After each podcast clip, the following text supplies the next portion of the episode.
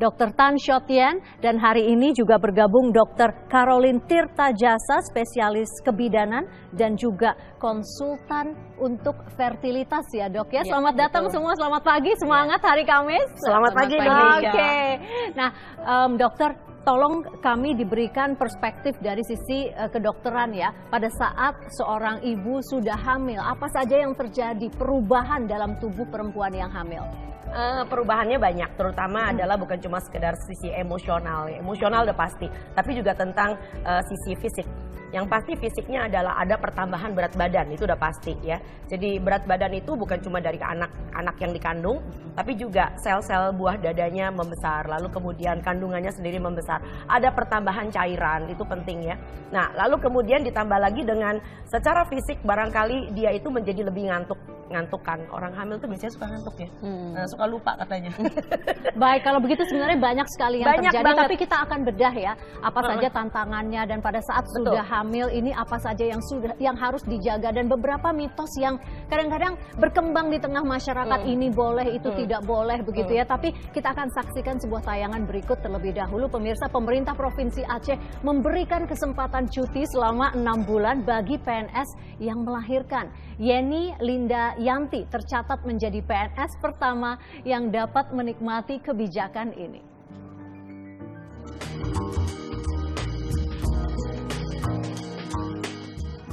Yeni Linda Yanti baru saja melahirkan anak keduanya pada 9 September lalu dan kini tengah menikmati waktu cutinya selama enam bulan untuk mengurusi buah hati.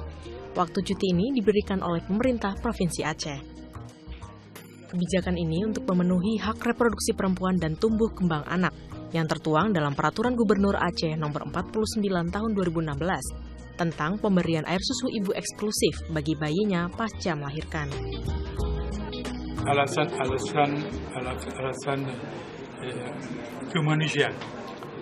Eh, yang kedua, eh, kita lihat ini tiga bulan cuti ya, hamil itu adalah sedikit sekali memberikan diri dan mengambil keputusan saya bikin pergub ya cuti dari tiga bulan menjadi enam bulan ya kepada seluruh wanita yang melahirkan baik itu PNS ataupun bukan PNS. Yeni bahagia dengan kebijakan ini karena memiliki waktu yang lebih banyak untuk mengurus anaknya, serta dapat memberikan ASI eksklusif dengan lebih maksimal. Sangat bermanfaat sekali, lebih-lebih untuk ibu bekerja seperti saya. Waktunya sama anaknya lebih lebih panjang. 6 bulan kan udah selesai si eksklusif. Banyak yang mendukung kebijakan ini, terutama bagi para ibu yang bekerja. Karena selain memberikan ASI eksklusif, mereka juga dapat menjaga kesehatan bagi ibu menyusui. Setuju banget, setuju banget 6 bulan. Setuju banget. Ya karena itu tadi ASI eksklusif 6 bulan. Masuk hari pertama di bulan ketujuh baru kita bisa berikan uh, pendamping ASI. Oh, jadi selama ini kok mak makin bagus perkembangannya dengan kesehatan ibu juga terjamin kan ya kan?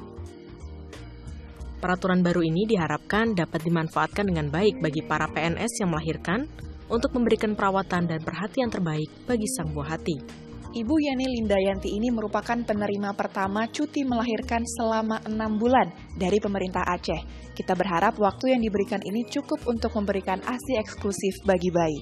Dari Banda Aceh, Sela Aditya, Hidayatullah, Metro TV.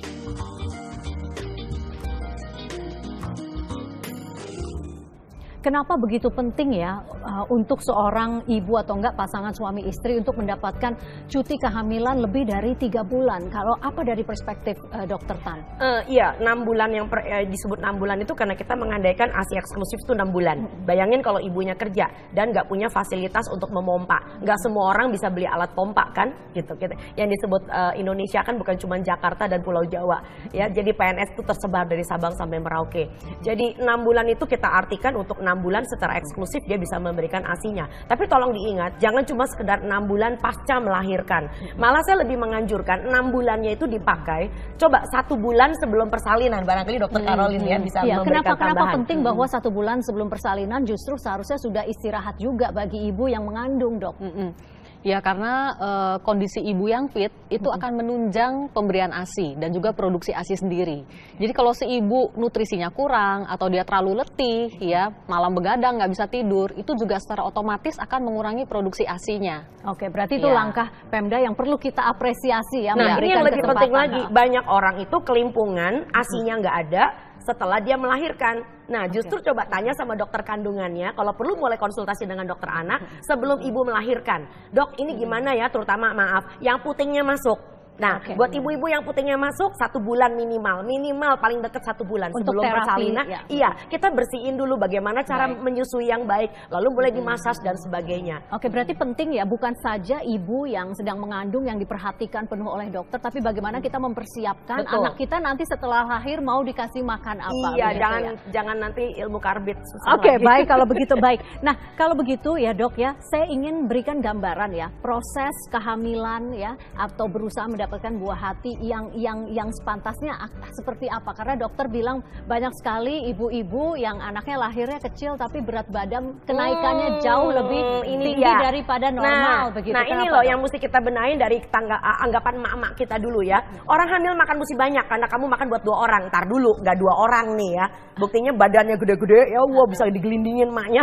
Anaknya lahir seiprit cuma 2 kilo. Udah gitu masuk kenapa, inkubator. Kenapa tidak boleh makan banyak ya dok? Uh, bukan soal tidak boleh makan uh. banyak, tetapi tapi jangan sampai kita makan karena maknya yang rakus, tapi itu tidak menutrisi untuk anaknya dan tidak menutrisi untuk uh, apa namanya proses persalinan dan proses uh, menyusui nah, berikutnya. Berarti ukuran makanan yang apa cara cara makan kita yang baik pada saat kita sudah mengandung hmm, itu seperti hmm. apa? Sebelum kita bicara tentang uh, makanannya, kita hmm. bicara dulu hitung-hitungannya dulu. Kalau bisa ditayangkan lebih bagus banget.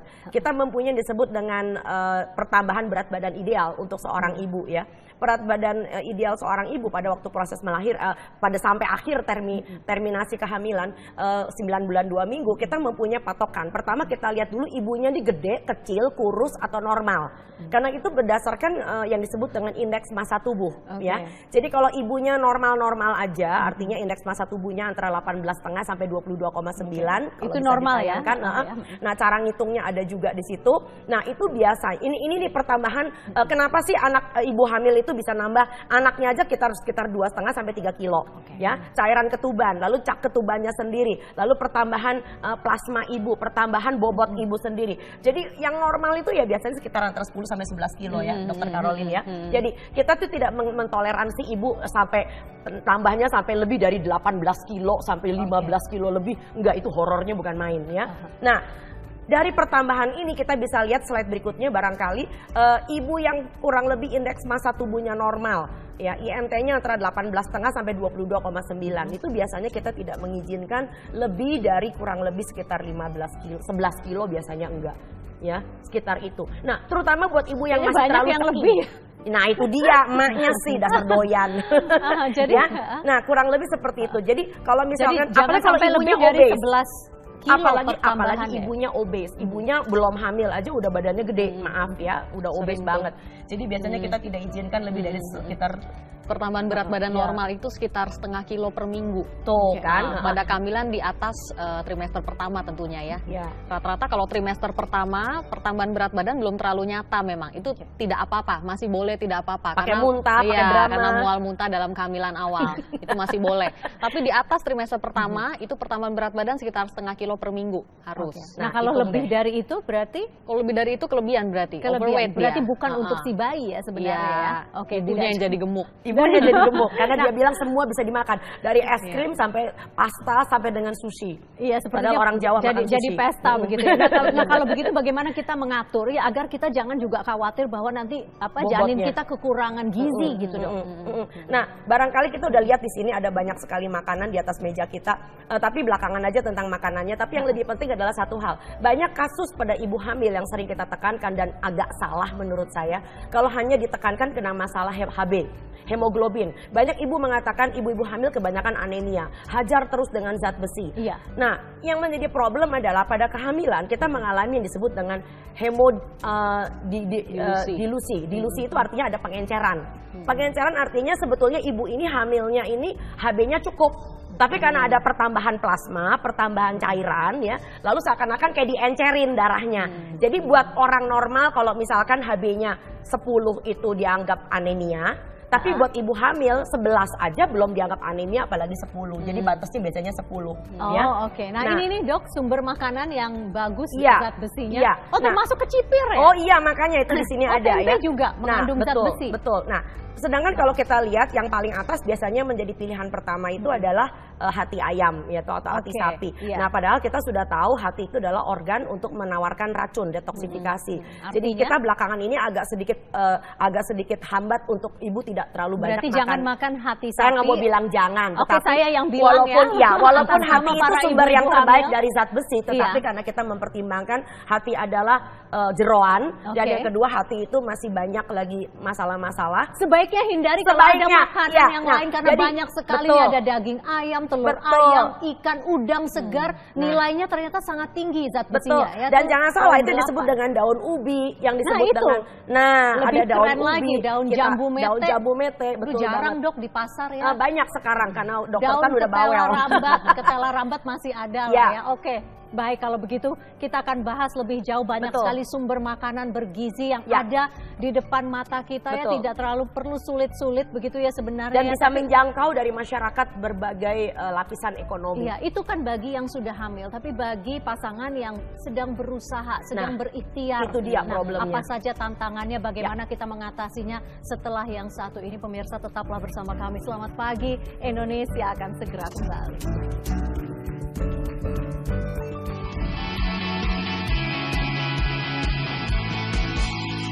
Dokter Caroline bersyukur bagi yang yang eh, sudah apa ya sudah bisa hamil gitu ya. Tapi kan eh, saat ini banyak sekali tantangan, banyak pasangan yang sedang berusaha untuk punya buah hati. Nah, sekarang apakah benar sejauh mana kebenaran bahwa eh, ya, orang-orang yang bilang bahwa sekarang lebih susah ya punya anak itu bagaimana menurut dokter? Iya, betul. Jadi kasus-kasus Maksudnya ini betul itu? Iya, betul. Apa cuma perasaan? Enggak, itu betul. Ya. Iya. Jadi kalau dilihat dari rata-ratanya terdapat peningkatan memang kasus-kasus infertilitas sekitar 5%. Iya, 5% per tahun, 5 sampai 10% rata-rata. Dan itu Iya. apa penyebabnya? Pengaruhnya macam-macam sebetulnya. Sebetulnya nanti ada diagram penyebab infertilitas. Iya, Bisa apa dari saja, Dok? faktor Iya. si istri, faktor suami itu masing-masing 35%. Berarti sama ya sebenarnya faktor Iya. dari istri maupun Betul. suami sama-sama. Betul. Jadi nggak Maksudnya boleh ya. tuh mertua nyalain Iya. istri nggak bisa bikin anak. Ah, Oke. Jadi dua-duanya harus sama-sama. jangan ya, jangan Ah, ya. ya. Oke, karena sama-sama eh, eh, Bersu- apa, sumbangsinya sama sumbangsinya untuk 35% infertilitas. ya masing-masing. Betul. Nah, kemudian sisanya Dok kalau 35% Mm-mm. faktor lakinya, kemudian perempuannya Ah, ah. sama 35% Selebihnya juga. kombinasi antara mereka berdua dan unexplained infertility. Unexplained ini adalah kasus-kasus infertilitas yang tidak terjelaskan. Jadi dengan pemeriksaan standar semuanya normal. Tapi pasiennya nggak hamil-hamil juga. Itu kita sebut unexplained infertility. Nah ini disebut dengan infertility itu, itu adalah kalau seandainya dalam waktu satu tahun sudah Ah, menikah ya. Satu tahun menikah, berhubungan teratur tanpa alat KB, tidak hamil juga. Nah jadi Oke, jangan ya. didiemin kalau udah satu tahun. Oke, kecuali memang sengaja ya. Oke. Ya itu namanya pakai alat KB Iya. atau malas. ya, enggak, tapi sejauh mana bahwa eh, pola makan kita, gaya hidup kita itu berpengaruh terhadap infertilitas? Ya betul. Jadi pengaruh nutrisi, lifestyle, polutan-polutan lingkungan itu sangat besar pengaruhnya ke kasus-kasus infertilitas. Ya. Jadi seorang eh, perempuan kalau dia mau hamil dia harus mempersiapkan dirinya minimal tiga bulan sebelum dia merencanakan kehamilan. Nutrisinya diperbaiki, lifestyle-nya juga hidup sehat, pola hidup sehat itu sangat penting. Ya. Tiga bulan berarti jauh sebelum ini Ya, ya? Berarti tiga bulan sebelum dia Oke. merencanakan kehamilan. Ya Kenapa- minimal kenapa itu minimal. Penting? Kenapa itu penting kan belum Iya. hamil dok? Ibaratnya jadi tanah itu kalau mau kita tanami, dipupukin dulu. Nah, pupuknya ini berasal dari nutrisi-nutrisi yang baik tentunya. Ya, Ini itu tanah harus yang bagus dipersiapkan. Chan. Tanahnya mesti gembur. Iya. Oke, baik. Jadi Oke. bibit di sini maksudnya adalah sel telur dan juga sel sperma sebetulnya. Ya, makanya ada eh, kualitas kehamilan yang tidak baik karena bibitnya tidak baik. Jadi ada orang yang kalau dia hamil keguguran terus atau kehamilannya tidak berkembang atau kalaupun dia berkembang dia jadi intrauterine growth retardation atau IUGR yang bayinya lahir kecil. Itu disebabkan karena bibitnya ini tidak baik dari awal. Nah, salah Oke. satu bibit yang tidak baik terutama dari laki-laki itu adalah kualitas sperma yang tidak Iya. baik. Jadi Dan jangan nyalain kalau penyebabnya anaknya. genetik Betul. atau Eh, bisa nah, pola makan? Banyak sekali yang disebut karena faktor lingkungan juga, termasuk ayahnya merokok. Jadi saya kejem banget sama para perokok. Okay. Jadi kalau kalian ingin punya anak-anak yang sehat, nggak cacat dalam kandungan, berat badan normal, tidak berat badan lahir rendah, tolong ya para ayah ya, udah deh ya, itu kecanduan yang tidak masuk akal untuk merokok okay, itu. itu faktor hmm. uh, kontribusinya besar betul, sekali ya. betul. ya. Nah, dokter, uh, selama anda menangani berbagai kasus infertilitas hmm. ya, kasus apa yang sering sekali anda temui dok? Hmm. Jadi uh, akhir-akhir ini banyak penyakit-penyakit kandungan yang muncul, hmm. ya antara lain penyakit endometriosis dan penyakit polikistik ovary dua penyakit ini tapi kan kedua penyakit itu kan apa apa ada apa re hmm. relevansinya dengan pola makan ya dokter Tan ya? Apakah langsung atau tidak? Atau justru bawaan begitu? Kalau dokter Tan yang jawab kesannya ibu gato ya Artinya? di, di, di, dicocok-cocokin. Coba izinkan dokter Caroline yang jawab. Iya enggak tapi apa relevansinya pasien, itu loh pasien-pasien beliau yang polikistik ovary itu ada orang yang mengatakan dia menghasilkan telur tapi telurnya kecil-kecil. Iya telurnya kecil-kecil telurnya kecil-kecil nggak bisa dibuahin. Nah sebabnya kenapa dokter Caroline Caroline? Jadi penyebab penyakit ini sebetulnya tidak ada yang pasti ya di, di kita sebut multifaktorial. Penyebabnya ini multifaktorial, gabungan antara hormonal, genetik dan lingkungan. Nah, lingkungan di sini adalah pengaruh faktor nutrisi dan lifestyle tentunya. Iya, itu pengaruhnya besar sekali terhadap Berarti kejadian masih ini. ya, sangat berpengaruh hmm. nutrisi, kemudian ya, nah, gaya hidup, sekali lingkungan lagi, kita. Sama seperti penyakit-penyakit yang lain, hipertensi, diabetes, kolesterol tinggi. Kita punya faktor yang tidak bisa dirubah tidak bisa dirubah itu adalah faktor usia. Usia nggak bisa dirubah dong ya. Faktor genetik nggak bisa dirubah. Tapi tolong ya ada faktor yang bisa kita ungkit yaitu yeah. apa? Lifestyle. Dan terbukti hmm. setelah lifestylenya dibetulin, loh penyakitnya hilang, minimal hmm. subsides gitu loh ya, hmm. mereda ya toh. Begitu gaya hidup pola makannya dibetulin loh orangnya bisa hamil. Yeah. Minimal hmm. dengan berat badan yang normal, sel telurnya menjadi lebih bagus dan bukan cuma ibunya saja, ini pasangan suami istri. Suaminya pun kegemukannya ditanggulangi sehingga kualitas hmm spermanya menjadi lebih baik. Ngomong-ngomong okay. lemak itu menghasilkan hormon yang bekerja bertentangan dengan hormon reproduksi. Nah, dengerin ya. Oh, Jadi yang kelebihan-kelebihan lemak, lemaknya dikikis. Kehamilan. Hormon reproduksi, reproduksi betul. Begitu. Makanya orang kalau uh, terjadi kenaikan berat badan yang drastis dalam waktu beberapa bulan, mensnya langsung macet tuh Okay. Tidak mens langsung. Oke, okay, sepertinya banyak hmm. sekali ya faktor tapi tapi pola makan, gaya hidup sangat berpengaruh terhadap uh, keinginan kita untuk memiliki buah hati ya. Tapi tetap semangat ya bagi pasangan yang memang oh, masih harus ingin dong. Uh, nah, sekarang sekali lagi begitu? kita balik lagi ke sekolah makanan. Hmm. Ini mumpung ada ahlinya ya, okay. ahli infertilitas juga. Betul nggak sih yang namanya ada mitos kalau perempuan hamil itu tidak boleh makan sayur mentah? Artinya nggak hmm. boleh menyentuh salad. Bukan bukan hmm. sayur mentah saja, tapi ikan mentah, sushi sushi itu benar Coba atau deh. tidak? Tapi itu itu akan menjadi penutup ya. Oke, itu benar atau tidak dok? Hmm. Itu satu satu mitos itu. Tidak benar jawabnya. Kenapa dok? Iya. Kan takutnya nanti ada. Nah, jadi ya? begini, prinsipnya Organisme. adalah prinsipnya adalah memang kita takut infeksi-infeksi seperti toksoplasma, iya. bakteri-bakteri di sayuran mentah atau barang-barang mentah. Tapi selama itu bersih, itu sebenarnya ya. tidak ada masalah. Jadi Berarti faktornya silakan, adalah higiene. Silakan, silakan. Ah, Faktornya silakan adalah higiene. Jadi yang disorot adalah ya. higiene. Sama kayak kecelakaan lalu lintas. Faktornya adalah ketidakhati-hatian, tidak melihat rambu dengan baik. Bukan hmm. berarti tidak boleh nyetir kan? Betul. Oke, silakan ya kalau yes. begitu ya. Baik, hmm, kalau hmm. begitu. Aduh sayang sekali waktunya terbatas, tapi silakan ibu-ibu yang hamil silakan makan sushi, silakan hmm. makan salad, sashimi, sashimi hmm. Begitu ya. Atau makan Baik. pecel. Atau makan Atau makan kredok. Dokter Tan Shotian, Dokter Caroline Tirta Jasa, terima kasih telah berbagi di Selamat Pagi Indonesia. Pemirsa tetaplah bersama kami Selamat Pagi Indonesia masih akan kembali bersama Ade Mulia dan Sumi Yang. Saya Vivi Aleda Yahya, sampai jumpa.